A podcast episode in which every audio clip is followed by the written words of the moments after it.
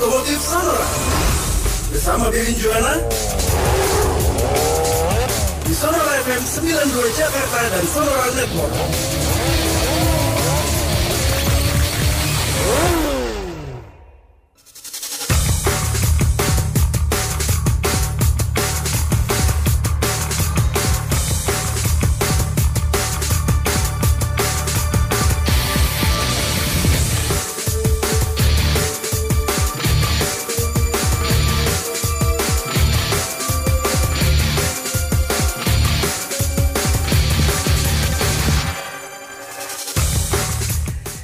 Halo halo selamat pagi apa kabar sahabat Sonora di Jakarta, kemudian Purwokerto, Yogyakarta, Surabaya, Lampung, Palembang, Bangka, Cirebon, Pontianak, Solo dan kota-kota lain yang tengah mendengarkan via streaming di sonora.co.id. Apa kabar Anda semuanya?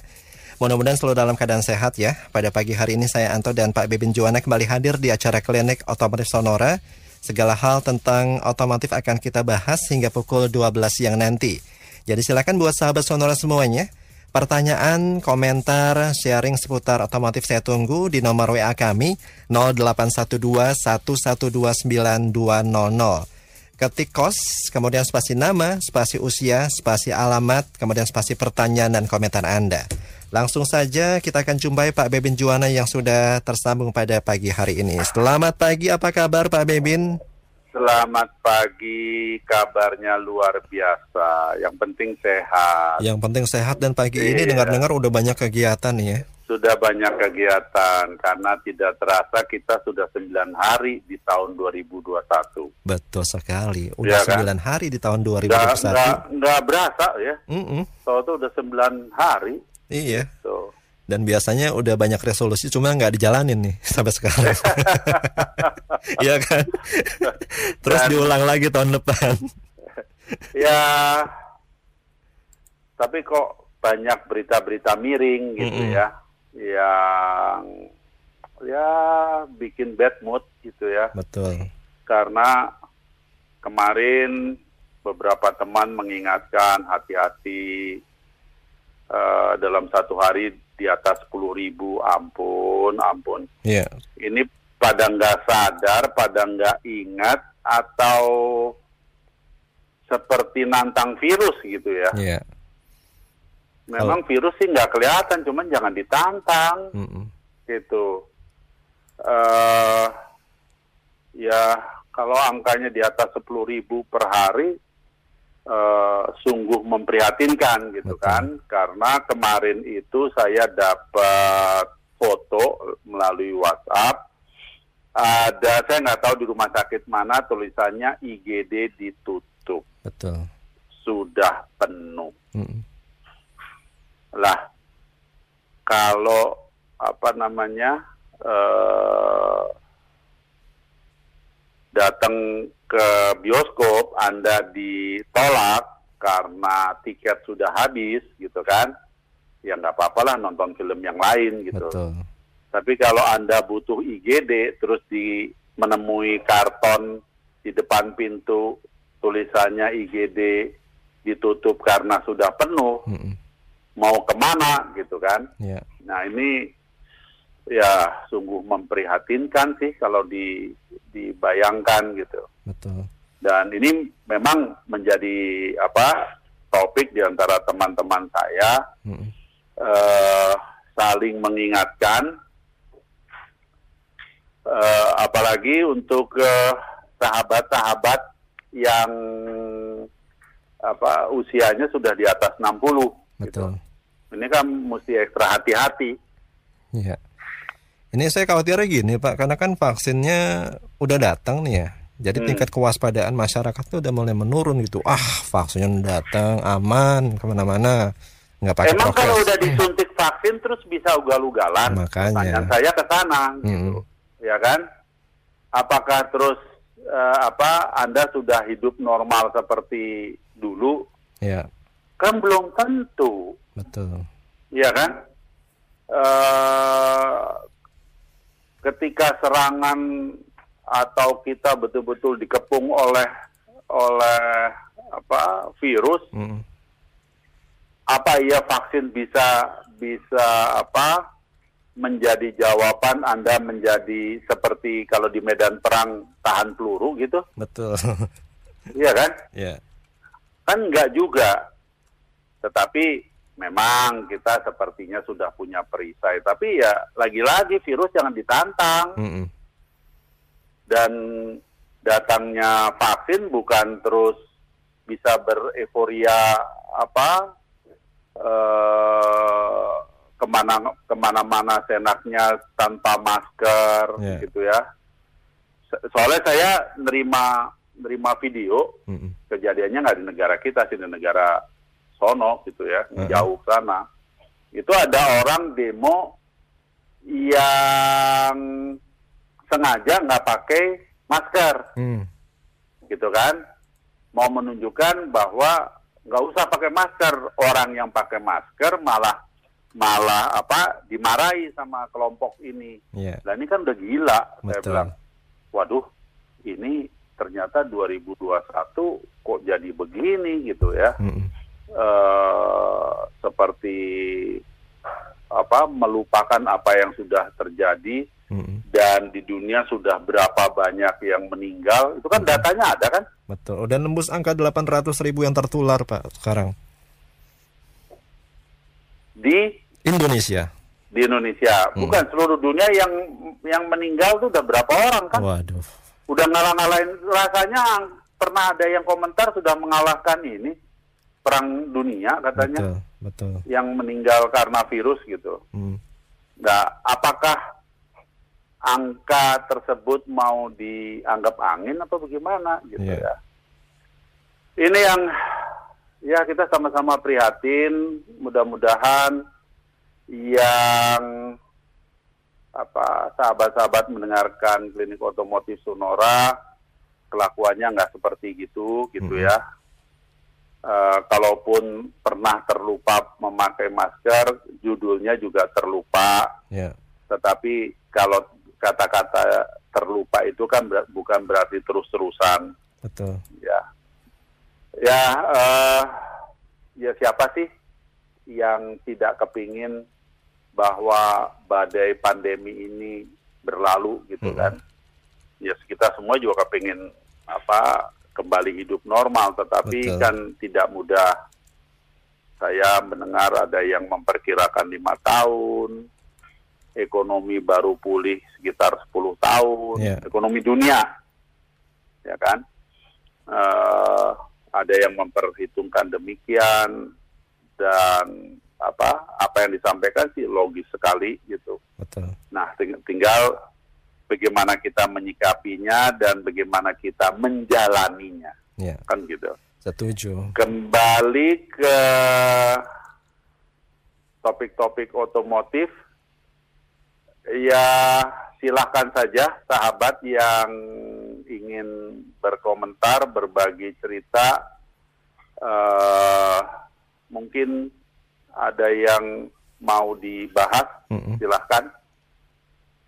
Anda bisa Saya soalnya ini apa sedang tertarik memperhatikan ini nih eh rally Dakar tahun ini Wah. yang diselenggarakan di Arab. Heeh. Cuma menarik juga Pak, kan kita beberapa minggu lalu pernah membahas ya mengenai alat apa eh, pemadam yang ada di mobil Pak ya. Hmm. Nah itu kan sekarang sudah mulai diberlakukan dan harga Hmm. mobil sekarang jadi naik Pak sekitar tambahan 2 juta karena ada tambahan itu. Iya, saya baca, baca itu kok nggak salah di kompas.com ya. Iya. Saya ketawa aja gara-gara apar apa ha- harga mobil tersebut naik 2 juta. Aduh, kayak anak kecil banget ya statementnya. Mau naikin 2 juta mah naikin aja nggak usah pakai pakai alasan karena apar. Betul. Sekarang saya mau tanya, emang aparnya harga 2 juta? kan enggak. Iya. Paling yang dibeliin juga nggak sampai 100 ribu. Kayak kita saya sih ngomong ngomong apa adanya gitu kan. Betul. Aparnya apa apa memang apar yang sudah memenuhi standar eh, saya sampaikan standar internasional deh Mm-mm. karena apa eh, saya juga mau sebetulnya penasaran nunggu Depok tuh mau pakai standar apa sih gitu Iya. kan memberlakukan memberlakukan gitu ya tapi standar yang dipakai apa gitu Betul. kan penasaran saya kan. Iya. Nah, terus dengan dengan standar yang tanda kutip nggak jelas ini, Mm-mm. ya saya sih bisa membayangkan APM belinya juga nyicil gitu. Mhm. Nyicil maksudnya mobil yang yang keluar dari dari lapangan stok baru dipasang dibeliin gitu kan. Betul. Emang kalau stoknya ada 10.000 unit di lapangan langsung bel- 10.000 unit dibeli, ya kan? Betul kan? Betul. Lah bulan ini kalau yang keluar cuma 1000 unit, masa 10 mau beli mau belanja 10.000 yu- 10.000 apar gitu Betul. kan? Dan itu pun saya mempertanyakan apar yang seperti apa yang dibelikan gitu. Iya. Maksudnya Karena kalau kan Heeh. kemarin kita sudah eh, bahas hati-hati kalau kebakaran sumbernya dari apa dari kelistrikan Mm-mm. itu apar yang apa yang foam nggak bisa dipakai Iya. karena eh, tidak memadamkan bahkan ada kecenderungan memperbesar api gitu. Nah ini sebetulnya yang di yang disiapkan yang mana gitu Betul.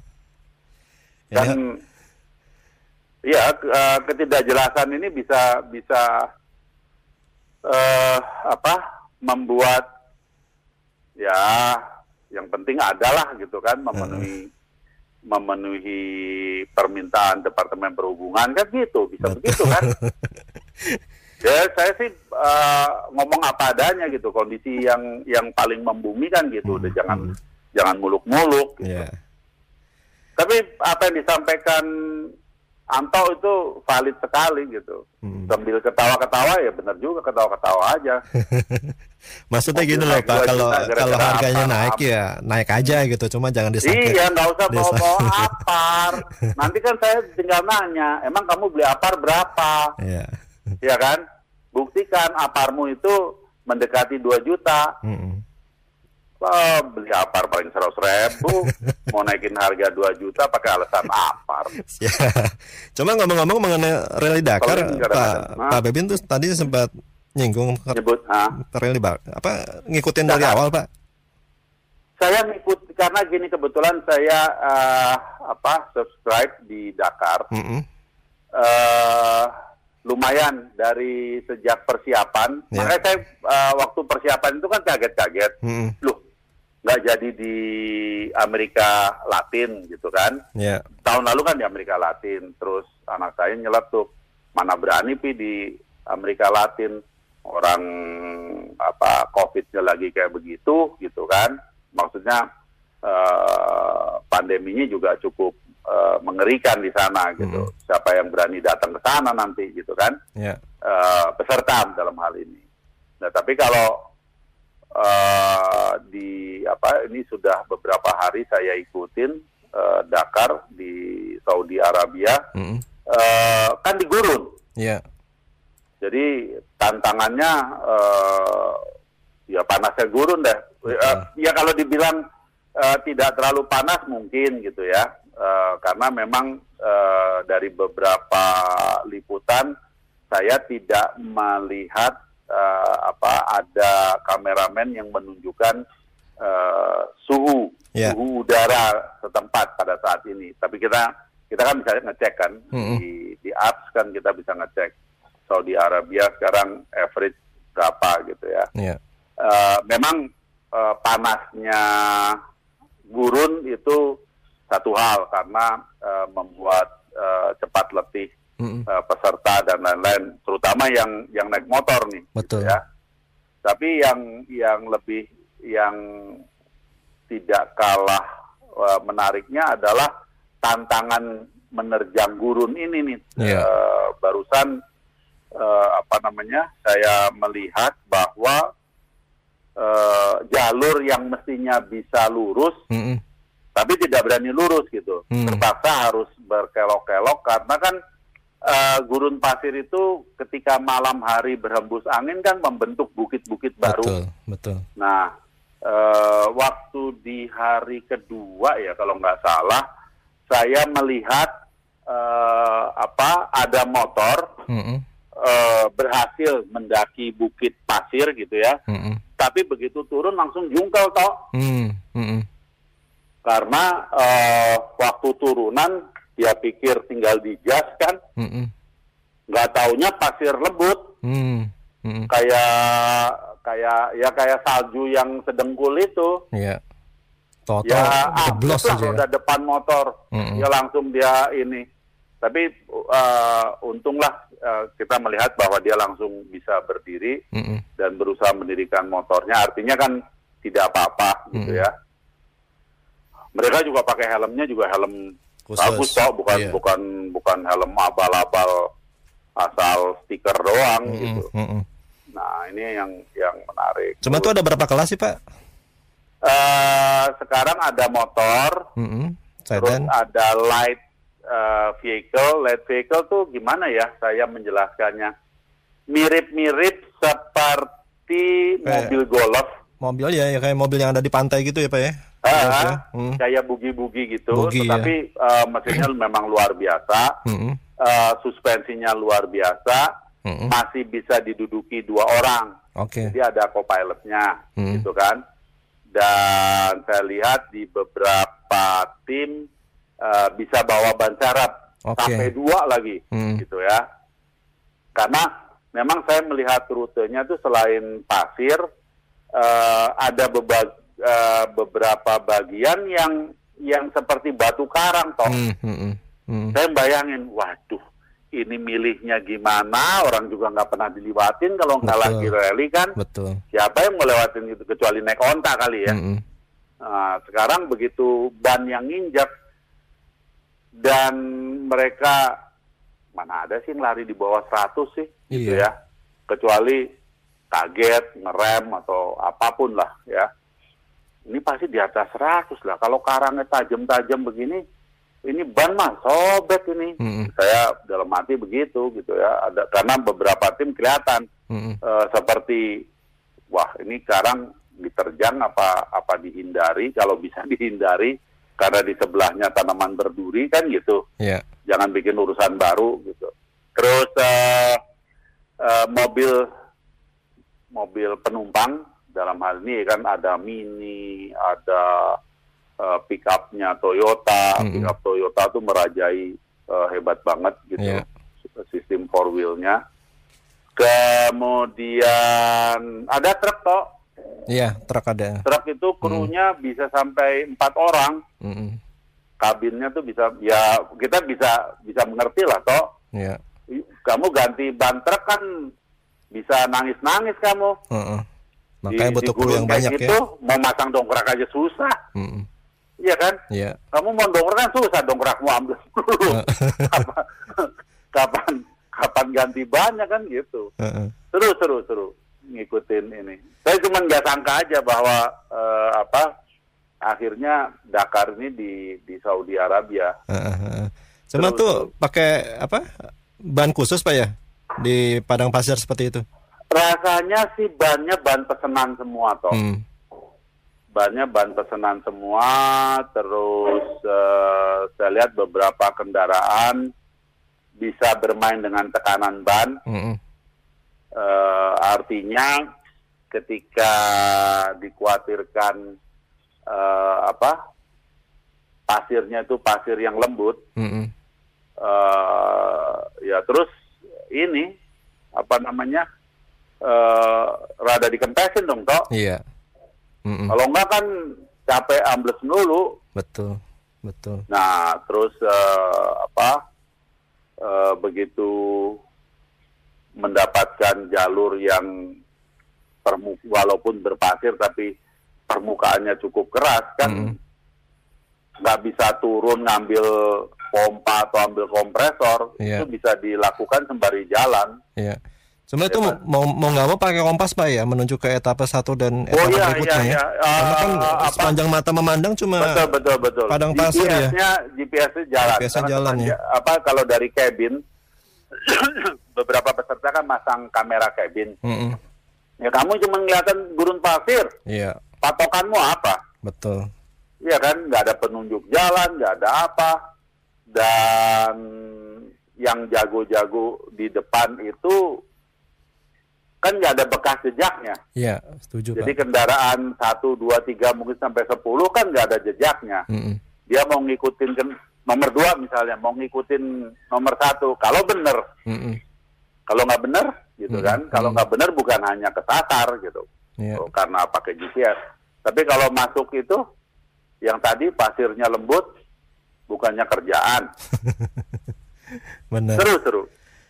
Cuma emang seru sih Pak ya, karena kan apa ya, apalagi kalau ngelihat yang apa eh, kelas motornya tuh, aduh, Hmm. serunya minta Kelas, ampun mo- tuh. kelas, kelas motornya saya sulit membayangkan kayak apa rasa pundaknya. Ketahanan fisiknya tuh luar biasa Pak, yang kelas iya, motor Pak. kan nyaris tidak tidak pernah duduk di jok. Emang kayak Mm-mm. kamu dari rumah ke ke studio bisa duduk di jok. Dia kan Iya. berdiri mulu. Bener. Makanya saya bilang saya tidak bisa membayangkan rasanya seperti apa pundaknya. Megangin stangnya nggak pernah diem. Bener. Kadang-kadang juga sering ada mengagetkan ya. Dikira trek lurusnya ternyata ada undakan gitu. Aduh. Iya iya iya iya seperti kan? itu. Lah kan yang lebih lebih serem lagi yang tadi saya cerita. Mm-mm. Dianggap tinggal digas doang nggak taunya pasirnya ambles. Cuma begitu kalau digas begitu jungkel. Heeh. Iya Cuma- kan motor motor yang dia naikin jadi motor yang naikin dia kan. Betul. Cuma kalau kelas motor Pak selain pabrikan kayak KTM yang apa ya yang biasa warawiri Oh, di Paris ada saya baca ini. Toh eh, Honda apa? Oh Honda main juga F- Pak. F, FR FRV apa? Yang Hmm. yang apa di Indonesia masuk yang pakai Matic itu loh. Oh EPV, Bukan bukan bukan EPV, bukan EPV, bebek lo ya, bukan EPV. bebek. Apa istilahnya? EPV. CF EPV. Iya kalau yang ini yang apa yang eh, sejuta umat Pak, EPV, sejuta umat. Ini PCX. yang Matic Mat, apa 400 600 cc tapi Matic Oh bukan Honda, Bukan, tidak Honda Wing ya, bebek loh Goldwing ya. ya, bukan Ho- Goldwing ya, bukan bukan ya. tapi saya Hmm. sampai sampai ini sama anak saya apa iya tim berani nurunkan Matic di gurun kayak gitu Mm-mm. begitu bermasalah kan nangis loh Iya. wah seru, seru. Jadi ada KTM, ah, ada Honda. Honda turun Mm-mm. Yamaha turun Hmm. KTM nggak usah dibahas Iya. Terus saya tadi tadi pagi ngeliat tim apa ya? Eh, lupa motor motor Motor-motor apa. Italia Pak nggak ada ya? Motor Italia saya nggak ngeliat. Hmm. Kalau mobil banyak yang bugi. Iya. Mm-mm. Artinya memang dibangun khusus untuk Dakar, Betul. dibangun khusus untuk Dakar. Karena kan eh, suspensinya khusus, Mm-mm. bannya khusus, itu mah udah udah apa bangun khusus ya. Nggak- Betul. nggak- nggak ini. Karena kan ada salah satu yang seri SUV-nya juga sukses di ini ya Pak ya, di urban ya, Hmm, yang Mitsubishi itu Pak. Ya kan? Pak Jero, Mm-mm. eh, Pak Jero kok saya malah nggak lihat toh Mm. di seri ini saya nggak ngeliat Pak Jero. Mm-mm. Saya malah ngelihatnya Toyota yang banyak. Oke. Mungkin Tapi banyak. Toyotanya Toyota model itu eh, apa ya? Toyota pickup Toyota pickup ya, dibilang double cab bukan? juga enggak kayak kayak apa? eh, dibilang single cab juga enggak yang tanggung itu toh. Mm-mm. Oke. Toyota Toyota begituan, mini masih kelihatan. Mm-mm. Terus ada satu kelihatannya eh, tim private pakai itu eh apa Porsche. Oh. Saya baik gila. Jadi Porsche Heeh. kakinya dirombak, down Heeh. clearance-nya jadi tinggi. Mm-mm. Saya bilang tapi mungkin bener juga lo kalau ngadepin apa ngadep menghadapi eh, padang pasir kan kalau mesin di belakang kan filternya jadi nggak nggak terlalu ini kan filter tuh bisa mampet sampean Mm-mm. toh Mm-mm. kena debu pasir kayak begitu Iya. Cuma nih memang apa ya? Ini kan salah satu ajang rally yang bergengsi pak ya. Hmm. Jadi memang apa ya pabrikan memang berlomba-lomba untuk eksis Oh ya. iya, tetapi pabrikan yang yang apa yang mau turun ke Dakar Mm-mm, ini nggak bisa setengah-setengah, mesti all out. Ya. Dan biasanya tahun-tahun pertama itu adalah tahun-tahun mencari bentuk, Mm-mm. mencari bentuk maksudnya oh suspensi untuk mobilku sebaiknya begini gitu-gitu toh. Cuma memang harus diapresiasi Mesin harus begini. Iya, di kondisi yang serba sulit ini mereka tetap ikutan ke- ini Pak ya. Berpartisipasi ya. Mm-mm. Oke. Kita break dulu Pak Bibin, nanti kita sambung Oke. lagi obrolan kita. Tetap bersama kami di acara Klinik Otomotif Sonora. Stay tuned in Sonora, a part of Kompas Gramedia Radio Network. Kembali kita ikuti Klinik Otomotif Sonora.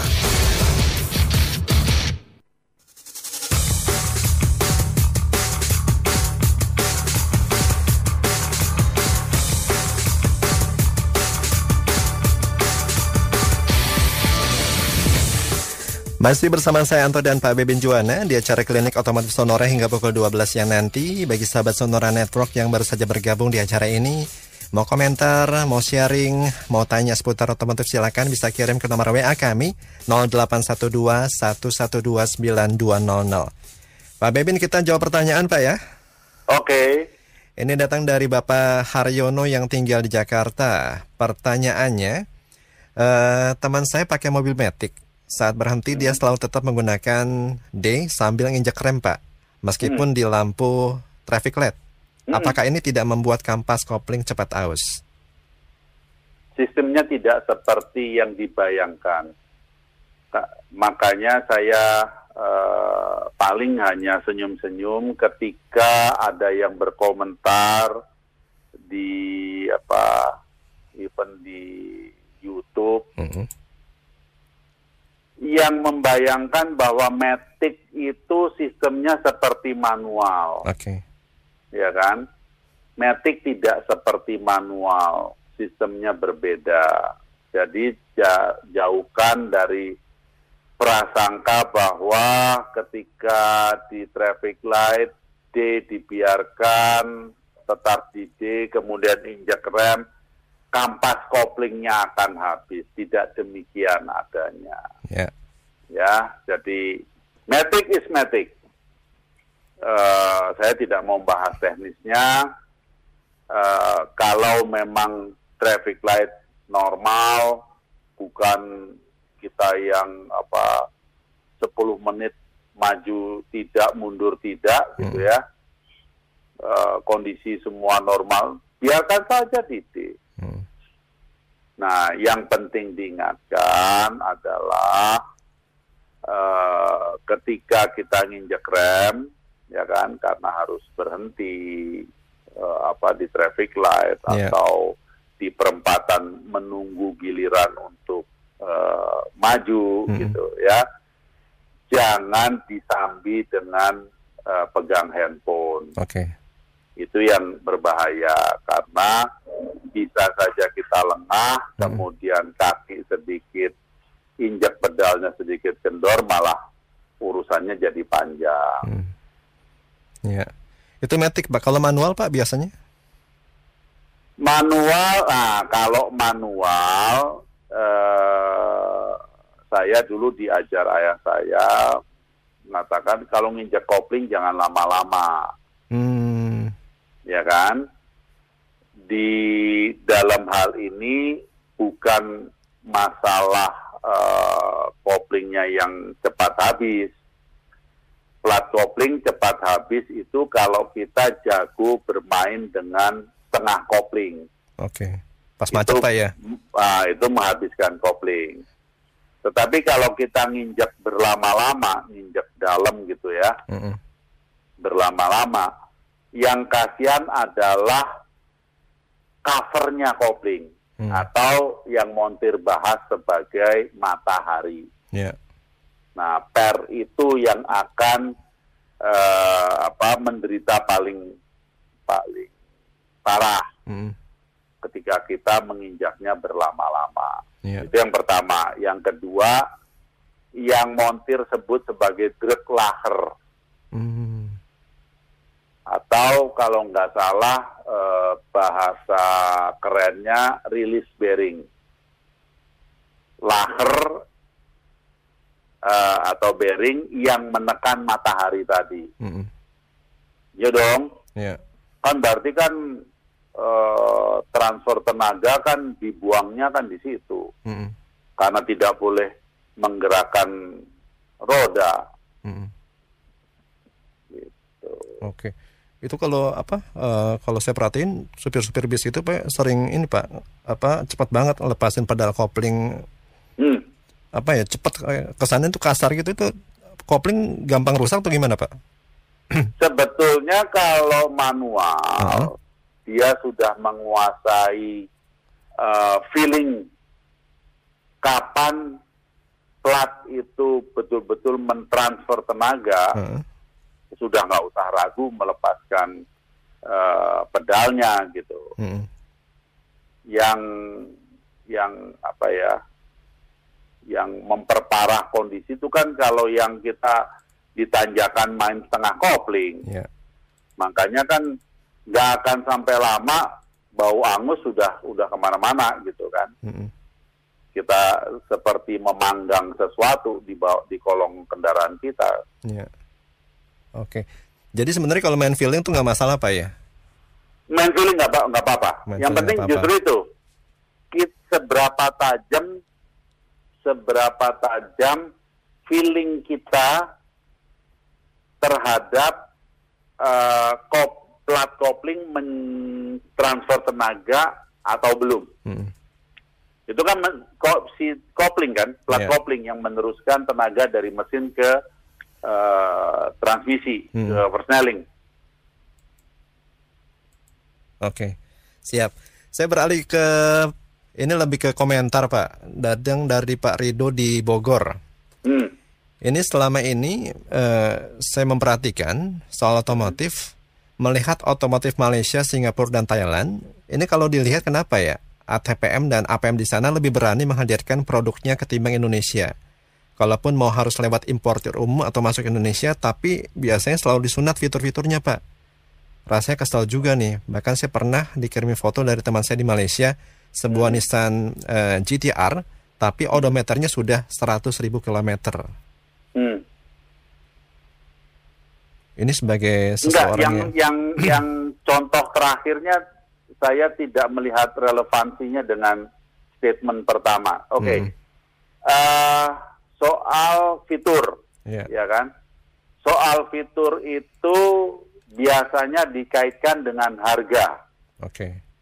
ya kan? Kalau eh, pemegang merek atau importir umum, eh, saya malah melihatnya importir umum lebih berani Mm-mm. dalam memesan fitur-fitur, Ya, tambahan fitur-fitur, optional fitur, ya kan? Makanya kan eh, apa si importir umum itu misalnya eh, fitur-fitur eh, kelengkapannya itu lebih lebih banyak daripada yang eh, APM mm-mm. gitu.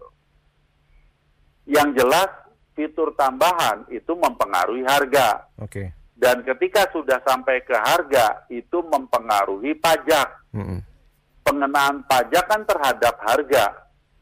Ya, Ha- ah, berapa harga kendaraan dengan fitur seperti itu, mm-mm. ya kan?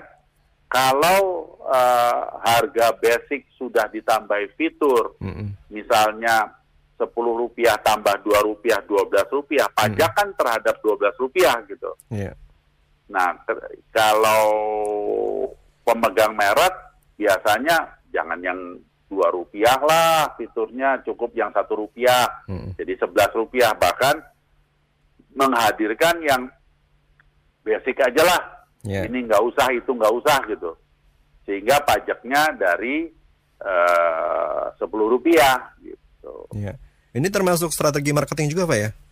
itu ter- termasuk iya karena kan ujungnya kan ke pricing policy. Mm-mm. Jadi apa ya masuk kemari tuh kayak bertahap gitu ya, Mm-mm. ya kan? Nah, kalau statementnya saudara Rido di Bogor soal Nissan GTR 100 ribu kilo, Mm-mm. itu berarti kan memasukkan mobil bekas, Betul. ya kan? Di negara kita kan tidak diperkenankan memasukkan mobil bekas. Mm-mm. Di saya nggak tahu apakah Kecuali perbatasan pak ya. Eh, di Malaysia apakah ada izin memasukkan mobil bekas. Iya. Gitu. Yang saya tahu New Zealand Mm-mm. sehingga banyak sekali mobil-mobil yang masih bagus bekas tapi masih bagus Mm-mm. dari Jepang itu masuk di New Zealand itu Hmm. saya tahu Mm-mm. gitu. Oke. Kalau di Malaysia saya malah nggak tahu boleh nggak sih eh, import mobil bekas di Malaysia gitu. Mm-mm.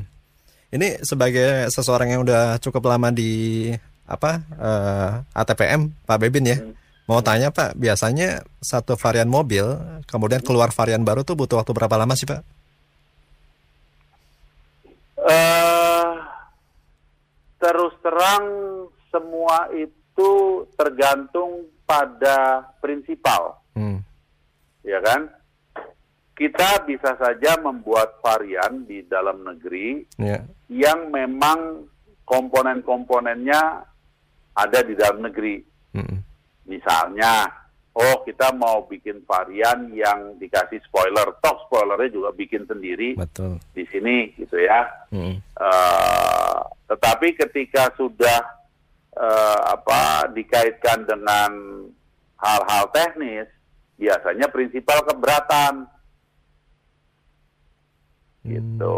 Hmm. Nah kalau sudah apa merubah ini dan itu, Hmm. prinsipal mau ikut campur.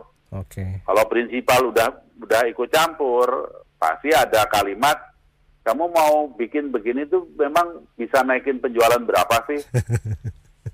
itu yang yang yang dia kalau dulu kita tetap fight, Heeh. ya kan? Angkatan saya itu dulu tetap fight. Saya nggak tahu yang muda-muda sekarang kalau di, Mm. di- dikasih pertanyaan gitu, apakah mau fight? Apa ya udah terserah lah, Ya. gitu kan? Pasrah aja lah sama prinsipal gitu. Heeh. Karena kan biasanya yang ditambahin kan nggak begitu apa ya, paling cuma facelift grill, ya cuma iya, tambah fitur-fitur. merubah desain velg, Mm-mm. ya kan? Mm-mm. Eh, tapi zaman itu, zaman tahun 90-an, ketika Anda mau nambahin eh, apa eh, fog lamp aja, Iya. ini antara diem-diem atau atau ngomong nih sama prinsipal gitu. Kalau ngomong sama prinsipal kan jadi panjang. Jadi panjangnya kan itu bagian servis tahu nggak gitu kan? Terus eh, kamu nyambungnya ke mana? Hmm. jalurnya gimana, sikringnya gimana.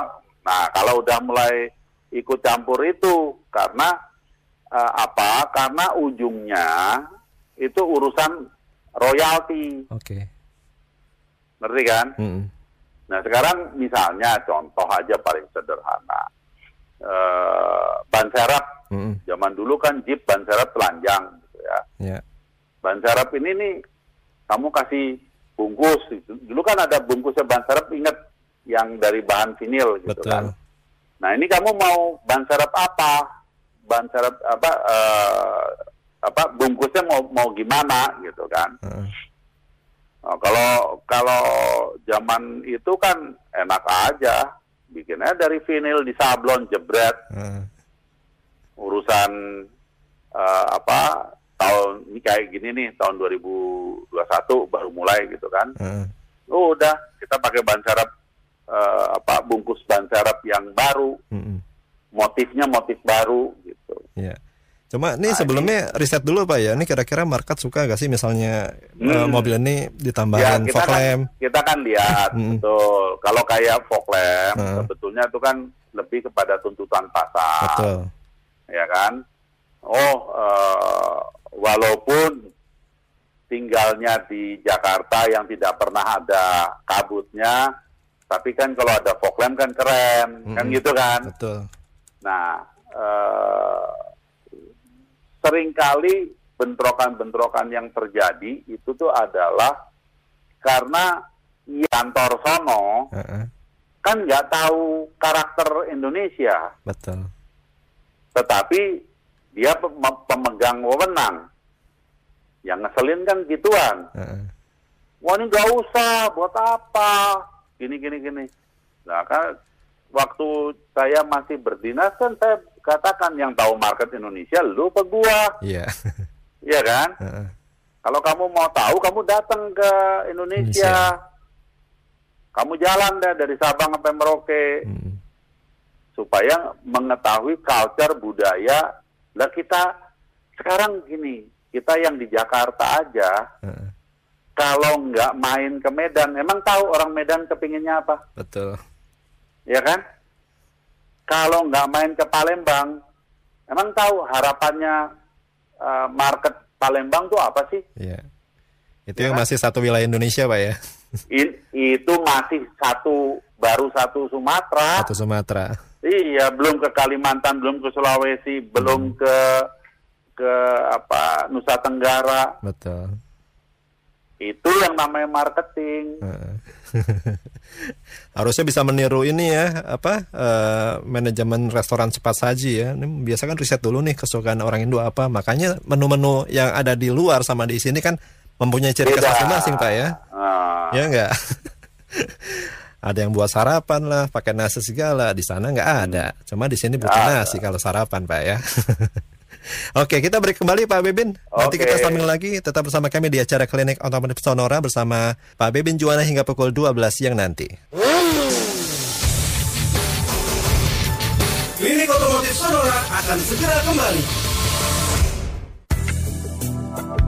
Stay tuned in Sonora, a part of Kompas Gramedia Radio Network. Kembali kita ikuti Klinik Otomotif Sonora.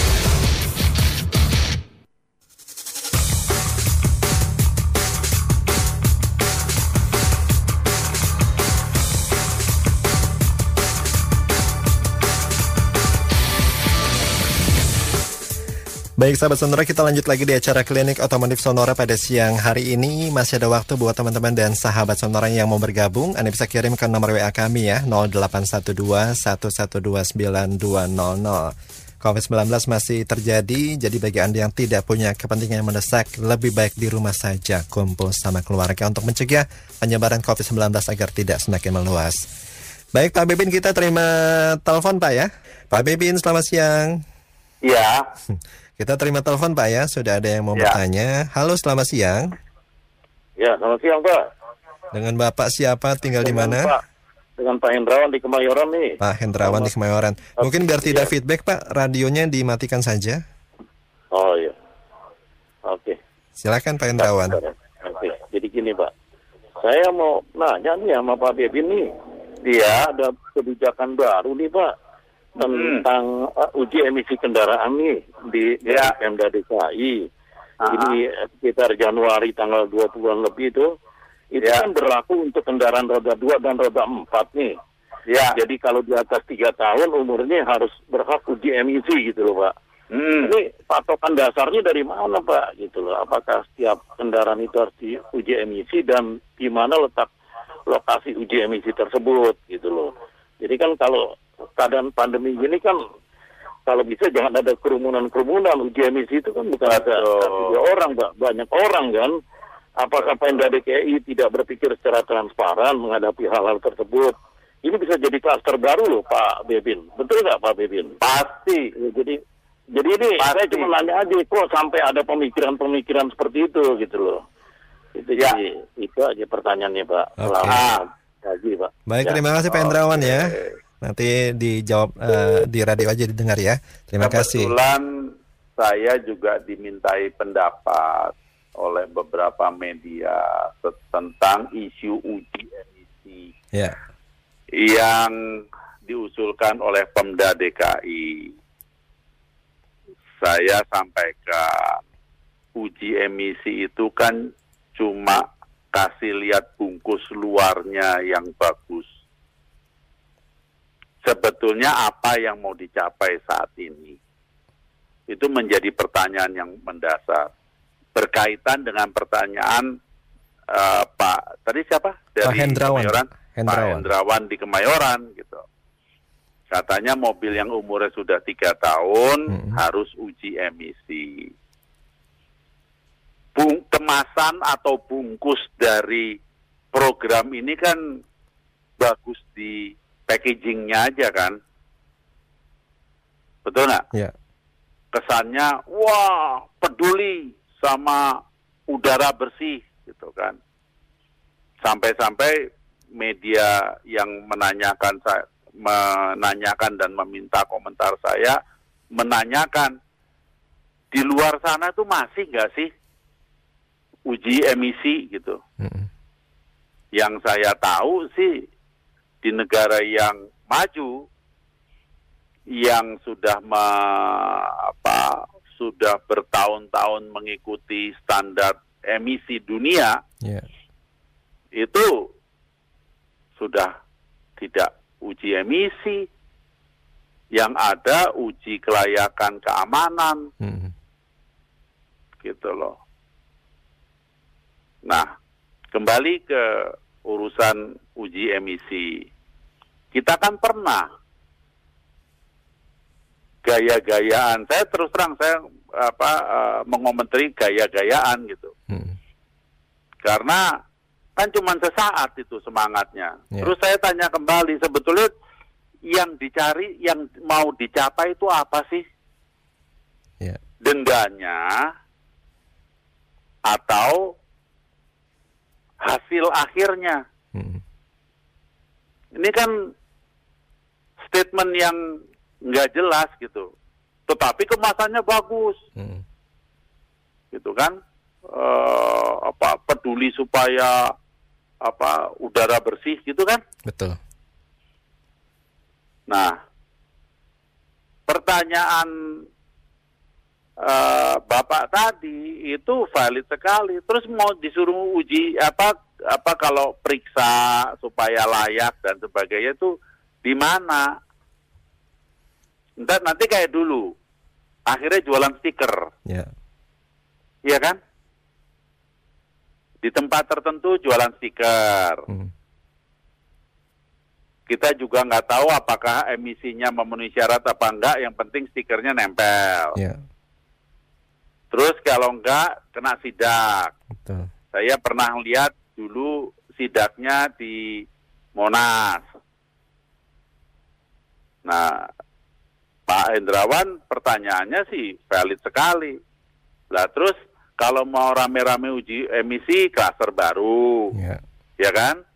Kalau kena sidak di jalanan pakai mau dicolok knalpotnya untuk diukur bener apa enggak, klaster baru. Mm.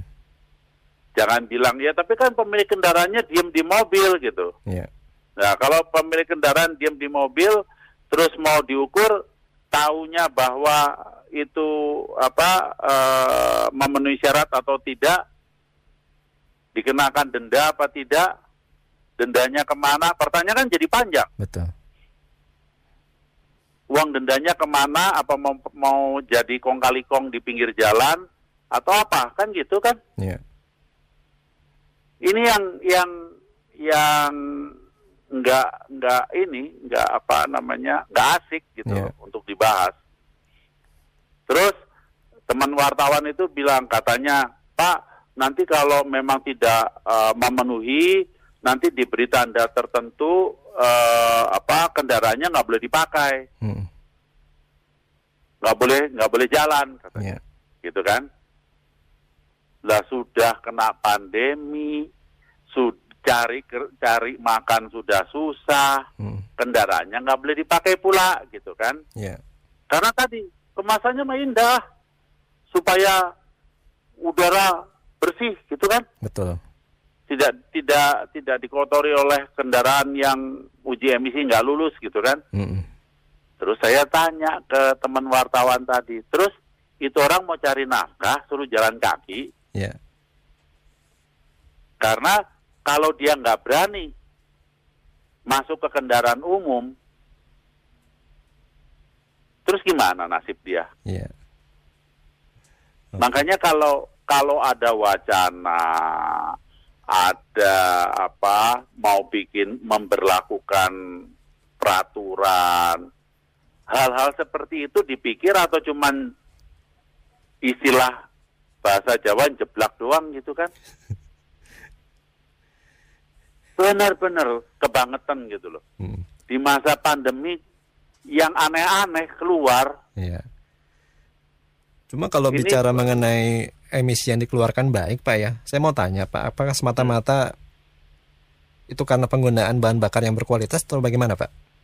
ya memang banyak faktor Hmm. kondisi mesin yang tidak terawat ya kan saya ber, mas- mencoba berpikir positif oke diberi peringatan seperti ini supaya pemilik kendaraan coba deh diperiksakan ya kan Ya. eh, kinerja atau kondisi mesinnya baik apa tidak. Kalau tidak, yang bermasalah apa? Iya. Tadi terus terang saya rada eh, rada telat nih siap-siap untuk siaran pagi hari ini karena saya bantuin anak saya eh, apa tune up mobil gitu Hmm. ya. Periksa eh, saya ga- apa dia sudah beli businya, saya bilang kamu lihat tuh busi kondisi sih masih bagus gitu Hmm. kan, tetapi itu sudah ada tanda-tanda bahwa eh, businya mulai bocor, saya Iya. bilang. Itu itu salah satu, salah duanya ketika dibersihkan, waduh, ini kok eh, apa pasir karbon yang lepas, ini baru pasir karbon yang lepas. Hmm. yang tidak lepas saya nggak tahu karena saya nggak punya alat yang berbentuk kamera itu. Oke. eh itu gimana? Saya bilang ya kan? Belum lagi yang yang dipaksa kita eh, apa ada dulu saya nggak tahu teman-teman ada yang ngerti apa enggak istilahnya Italian tune up Hmm. gitu ya jadi kita bermain dengan RPM tinggi supaya kotorannya Oh. dipaksa keluar di di di knalpot Heeh. gitu. Nah itu eh, terjadi tadi. Karena saya wah kotor loh Hmm. ini. Padahal mobilnya baru 10.000 ribu kilo. Nah ya begini. Ya. Kalau bahan bakar yang nggak beres ya, ya ya seperti ini saya bilang. Hmm. Makanya dia mau udahlah kalau gitu aku sekalian ganti olinya deh nih jadi nggak tenang nih Eh, apa eh, hasil pembakarannya seperti ini nih nggak tenang bilang. Ya. ya itu kan dari sisi positifnya Hmm. ya kan Eh, bahwa kita jadi aware kita diingatkan bahwa mesin tetap harus di dipelihara. Tetapi kan kondisi sekarang ini kan kondisi yang sedang tidak wajar. Ya. ya kan? Ten- waktu berbahas dengan teman wartawan itu saya menga- saya apa malah mengajukan pertanyaan sekarang ketika masyarakat di Sulu memilih mengurusi kondisi mesin Hmm. apa urusan perut dulu Urusan perut dulu, Pak. nah Anto spontan jawabnya Ya. ya kan ngurusi mesin atau bayar uang sekolah dulu Heeh. Perawatan Ini- mobil urusan kesekian pokoknya ya. anak sekolah online Hmm. kan uang sekolahnya tetap jalan kan Betul. emang jadi gratis Iya. enggak malah orang tua mengatakan waduh pengeluaran saya tambah Hmm. tambah apa ya beli pulsa emang gratis Ya. gitu kan nanti ada yang jatuh oh ada bantuan gini gini gini ya yang terima bantuan yang yang nggak terima bantuan Hmm. tetap harus beli pulsa kan Betul. pulsa data Hmm. ya hal-hal yang kayak gini makanya saya waktu apa eh, dimintai pendapat oleh rekan wartawan saya bilang aduh ngomong jujur dulu deh maunya ke mana gitu saya bilang jangan sodorkan ke ke masyarakat kemasan yang kelihatannya pitanya bagus baunya harum Hmm. Tapi sebetulnya di dalam kemasan itu tuh isinya apa sih maunya? Ya. Kemudian ketika eh, masyarakat ketemu dengan masalah, way out apa yang ditawarkan? Tadi kan way out-nya kan sederhana. Ya kalau nggak memenuhi apa eh, persyaratan atau standar emisi, ya mobilnya nggak boleh jalan. Hmm. Itukah jalan keluar? Oke. Ini loh yang yang apa? Saya pikir kok ya ribet Mm-mm. dalam kondisi yang sudah sulit dibuat semakin sulit. Ya. Oke. Baik. Kita beralih Pak ya dari Oke. emisi. Sekarang kita yang beralih ke yang nanti saya nanti bikin saya emosi malahan. Ini datang dari Pak TJ di Pontianak nih. Hmm. Rencana mau beli mobil. Hmm. Kalau beli mobil sekarang yang untuk dipakai lifetime Pak ya dalam jangka waktu lama atau mobil Hmm. seumur hidup, consider mobil bensin atau listrik Pak.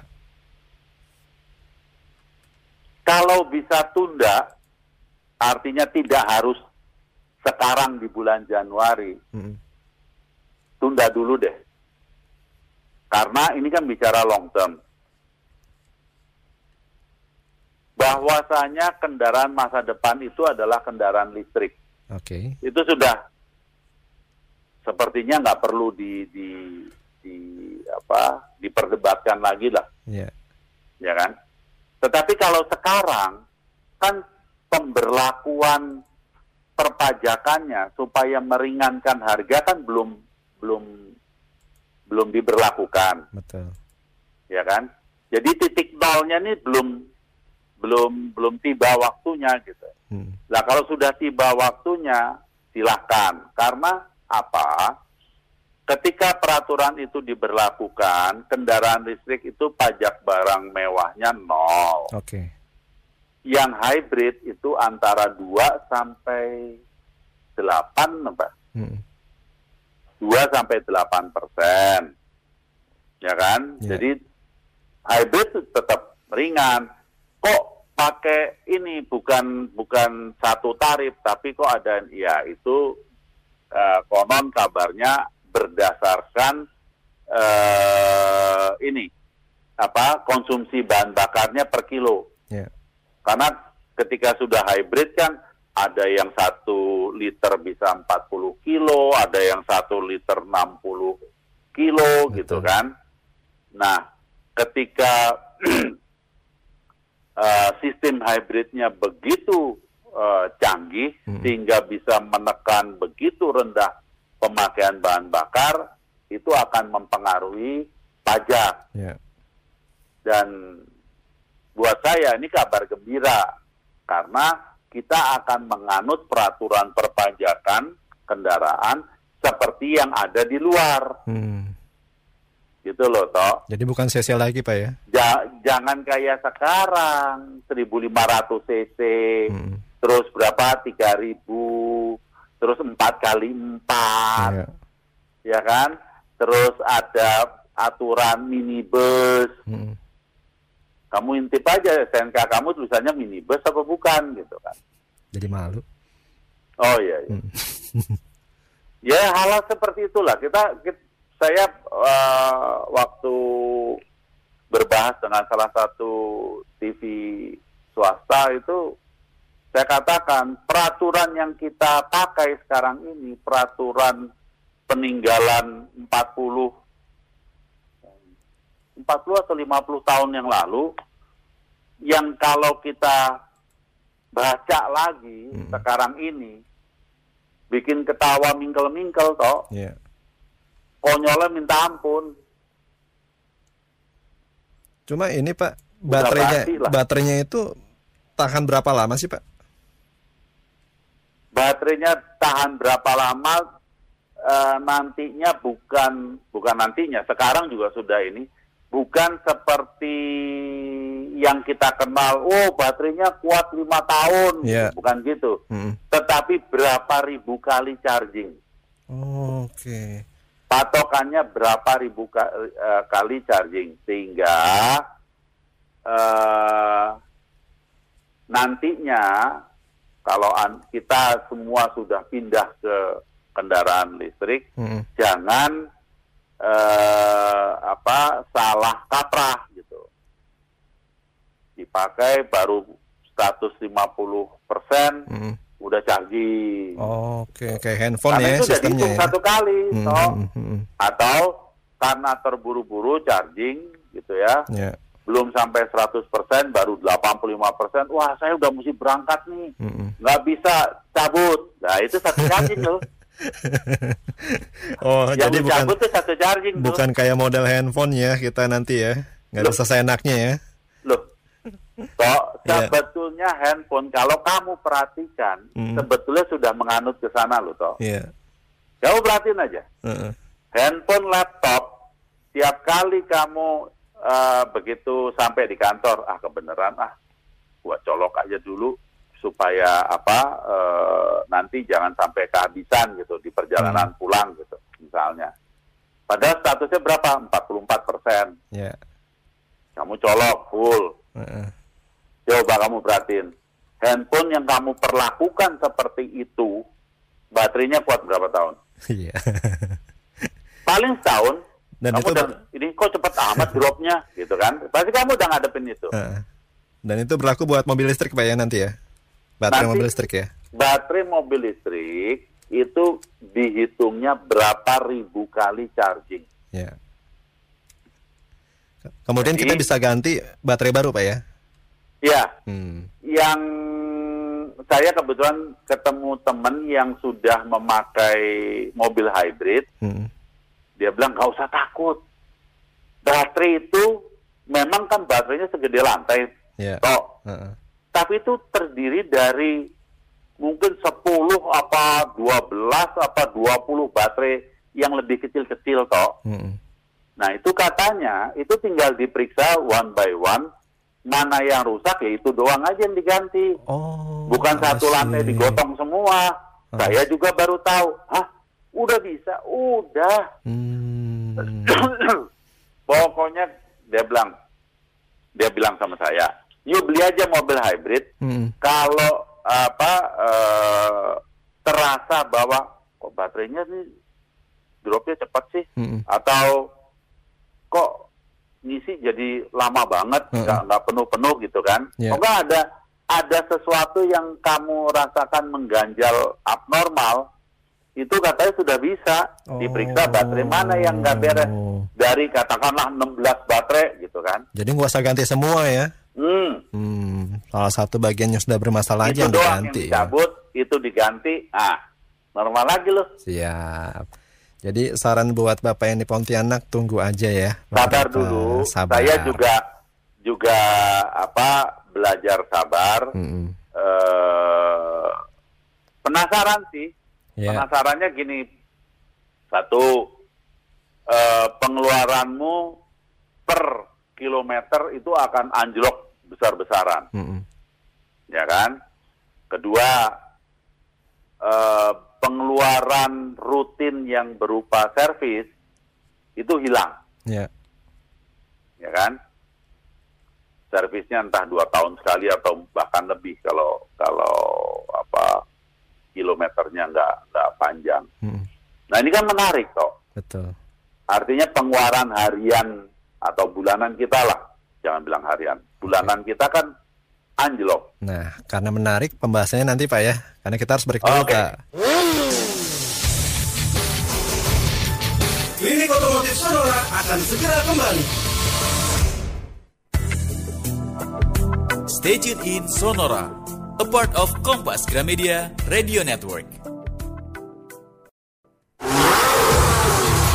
Kembali kita ikuti Klinik Otomotif Sonora.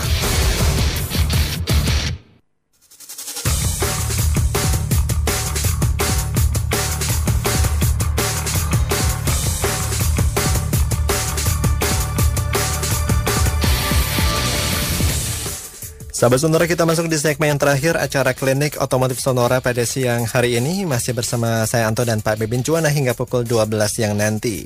Pak Bebin kita terima telepon lagi ya. Oke, Ini kali ini datang dari pendengar di Lebak Bulus. Halo selamat siang Bapak. Selamat siang.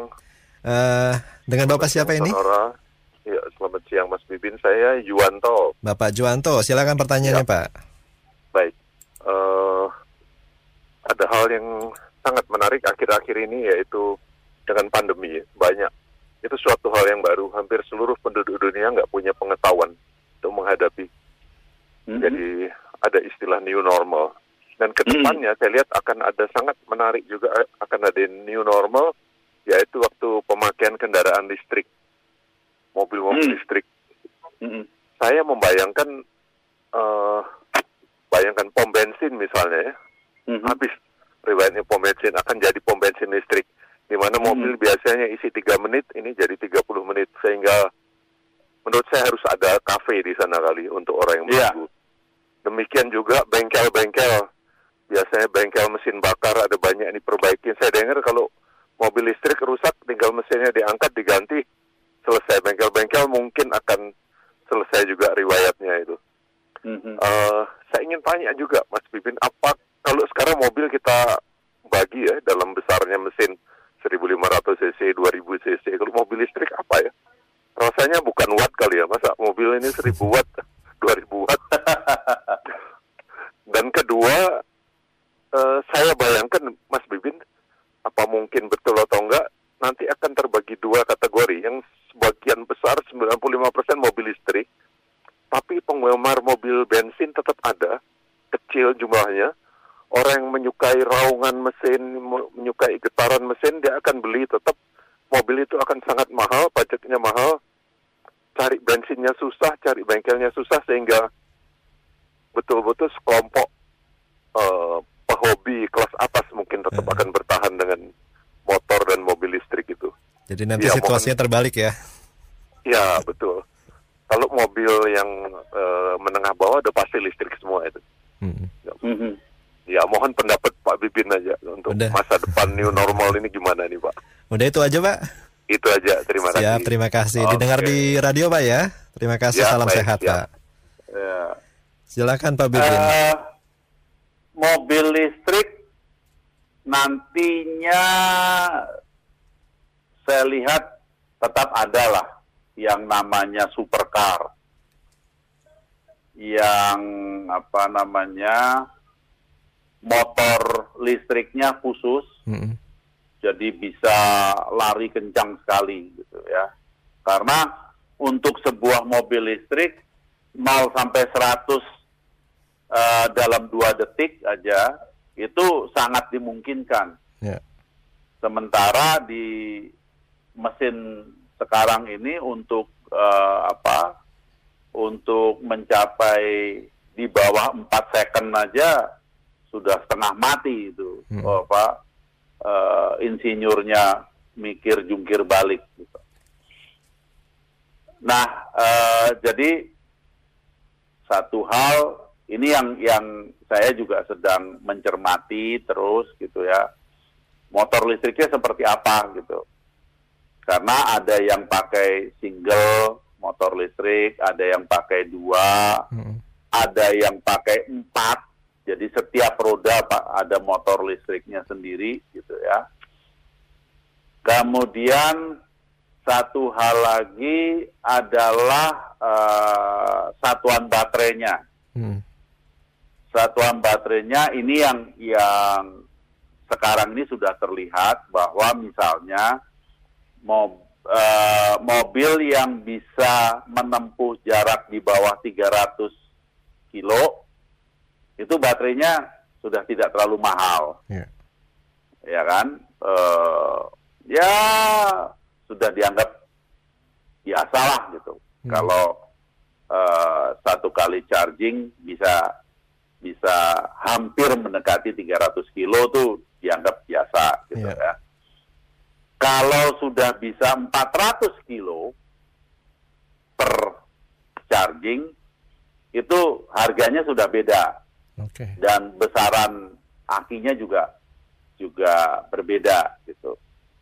Nah, yang kita belum terbiasa, belum apa ya istilahnya, eh, belum memahami adalah nanti kendaraan eh, kendaraan itu ketika membawa beban berat, jadi contohnya kebetulan Anto mau ke Bandung Hmm.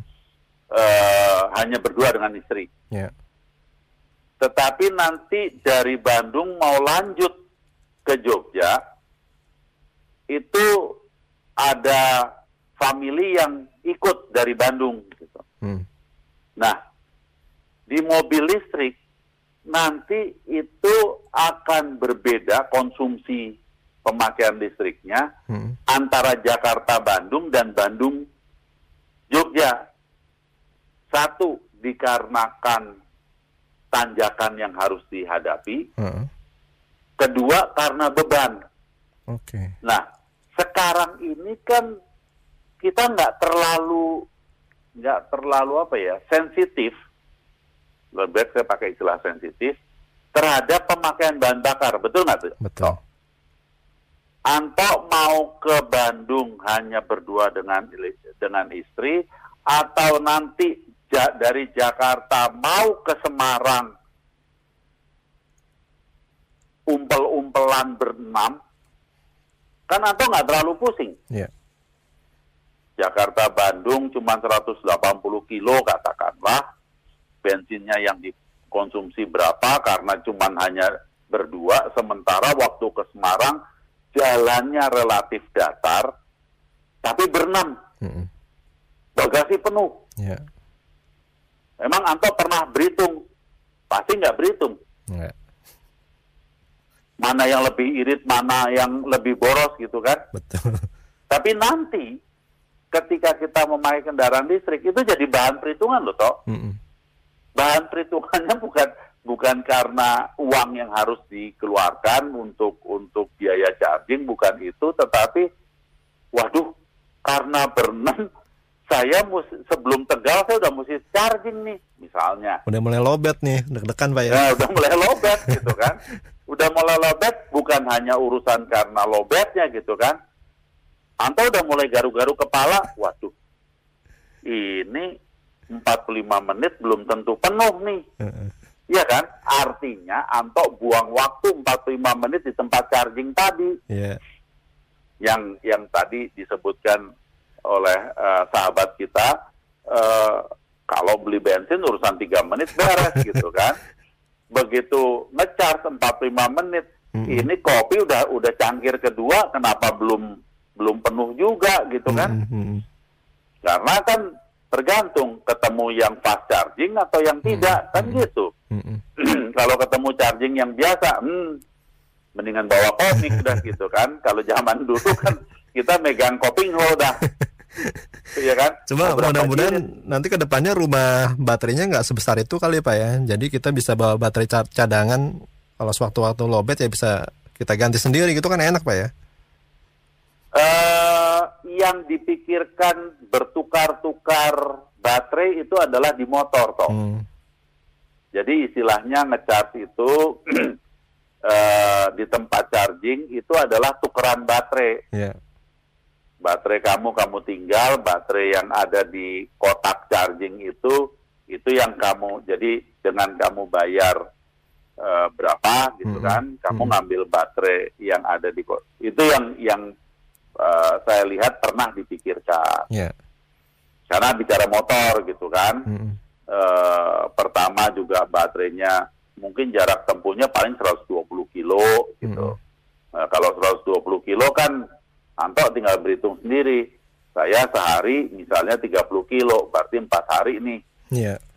Tapi karena tadi sudah dibahas bahwa yang dihitung per charging, ini kalau nggak low-low banget, jangan nyolok gitu kan.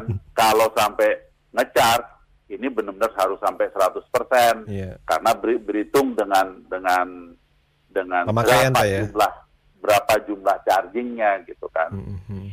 Ya memang itu yang yang saya sebutkan sejak awal dulu bahwa kita harus berubah toh. Betul.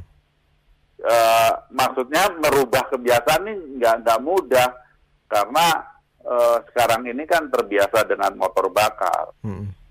Nah, tadi di- disampaikan juga soal bengkel. betul sekali bahwa eh, bengkel itu ya saya juga tidak bisa membayangkan bengkel itu akan akan berkurang drastis, ya kan? Mm-mm. Eh, karena kendaraan listrik ini akan jauh lebih simpel, Betul. tidak secomplicated eh, apa kendaraan zaman sekarang yang terdiri dari ribuan komponen kan Anto di motor aja ada ada mikir eh, sepatu rem ya di mobil listrik juga ada sepatu rem sih walaupun feeling saya akan lebih jauh lebih irit pemakaiannya toh Oke. Kenapa? Karena waktu Anto lepas gas itu sebetulnya sudah proses seperti proses pengereman. Padahal itu Oh iya. eh, berlangsungnya Mm-mm. proses charging toh. Mm-mm. Mm-mm. Jadi kamu angkat gas, itu tuh charging tuh. Iya. Sembari kecepatan berkurang gitu. Oke. Ya itu nanti Anto rasakan sendiri. Mm-mm. Mm-mm. Ini bicara bengkel, kemudian saya pikir bengkel yang ada eh, akan tetap eh, sementara, sebagian eh, akan tetap bertahan, mengingat jutaan kendaraan bermesin eh, motor bakar yang ada di dunia. Jadi kita tidak menyempitkan skop hanya skop Indonesia, tapi eh, global scope di seluruh dunia gitu ya. Kan udah ada jutaan kendaraan yang berjalan. Masa mendadak nggak ada yang ngurusin gitu kan? Iya. Eh, kemudian lagi betul bahwa rasanya tidak berarti semua menjadi mobil listrik, masih ada eh, kendaraan ber, bermesin motor bakar. Mm-mm. Eh, hanya saja yang saya bayangkan mungkin mungkin perkembangan teknologinya akan akan anjlok gitu. Iya. Kalau sekarang kan eh, setiap jam di luar sana tuh ada temuan baru. Mm-mm. Entah itu temuan bagaimana menekan emisi, entah itu temuan bagaimana eh, apa meningkatkan efisiensi mesin, Iya. ya kan? Temuan bagaimana menghemat bahan bakar, temuan bagaimana eh, apa bikin eh, lebih kenceng, Mm-mm. gitu kan? Belum lagi yang bermain dengan desain apa bagaimana supaya membuat kendaraan menjadi lebih menarik dan sebagainya. Mm-mm. Itu nanti kok kayaknya akan redup gitu. Iya. Siapa yang semangat ngoprek-ngoprek mesin sementara sebagian besar sudah beralih ke eh, listrik gitu. Sama siap-siap nih bengkel knalpot nih bakal tutup Pak ya. Malah nanti kan eh, apa berpikir wah ini motor apa motor listriknya bekas mobil A kalau saya pindahkan dan ini sudah terjadi toh Heeh. motor listriknya mobil A dipindahkan ke mobil yang nantinya kita sebut sebagai mobil klasik. Hmm. Itu sudah terjadi toh. Hmm. Jadi mobil klasik ketika sudah eh, bukan bukan sudah sih eh, males lagi nyari rongsokan spare partnya toh Heeh. Eh, bodinya masih bagus dirubah jadi mobil listrik deh toh lebih gampang. Motornya pindahin baterainya tempelin programnya dimasukin ah bisa dipakai dah. Gaya-gayaan nih gue pakai mobil klasik nih Iya. yang umurnya udah 70 tahun gitu kan. Dan nggak pakai knalpot ngebul kalau nggak kan diomelin orang. Benar. mobil udah jalan yang pelan ngebulnya amit-amit baunya nggak enak kan gitu kan Heeh. nanti enggak bisa senyum-senyum Heeh. karena udah jadi mobil listrik bisa gitu toh Heeh. Nah ini kalau mobil yang konvensional kan kalau mau di jalan Pak ya faktornya banyak.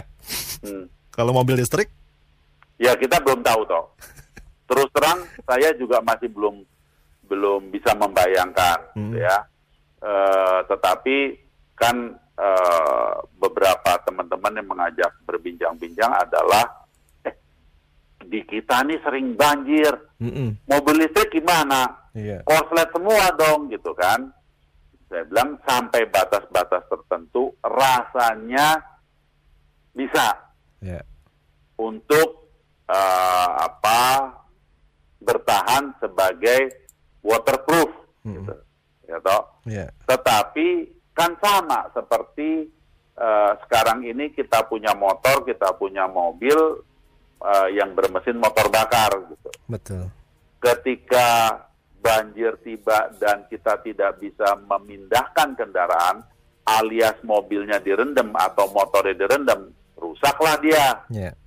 gitu kan.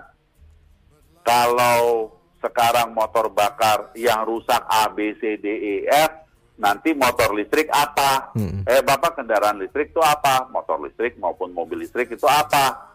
Apa baterainya mesti dikeringkan? Apa baterainya korslet semua? Gitu yang kita nggak tahu. gitu. Betul. Terus ada yang bertanya, seberapa bahayanya? Orangnya kesetrum nggak? Lah ini kan listrik DC. Masa mau nyetrum sih gitu kan? Ya memang, eh, tapi saya pikir wajar toh. Heeh.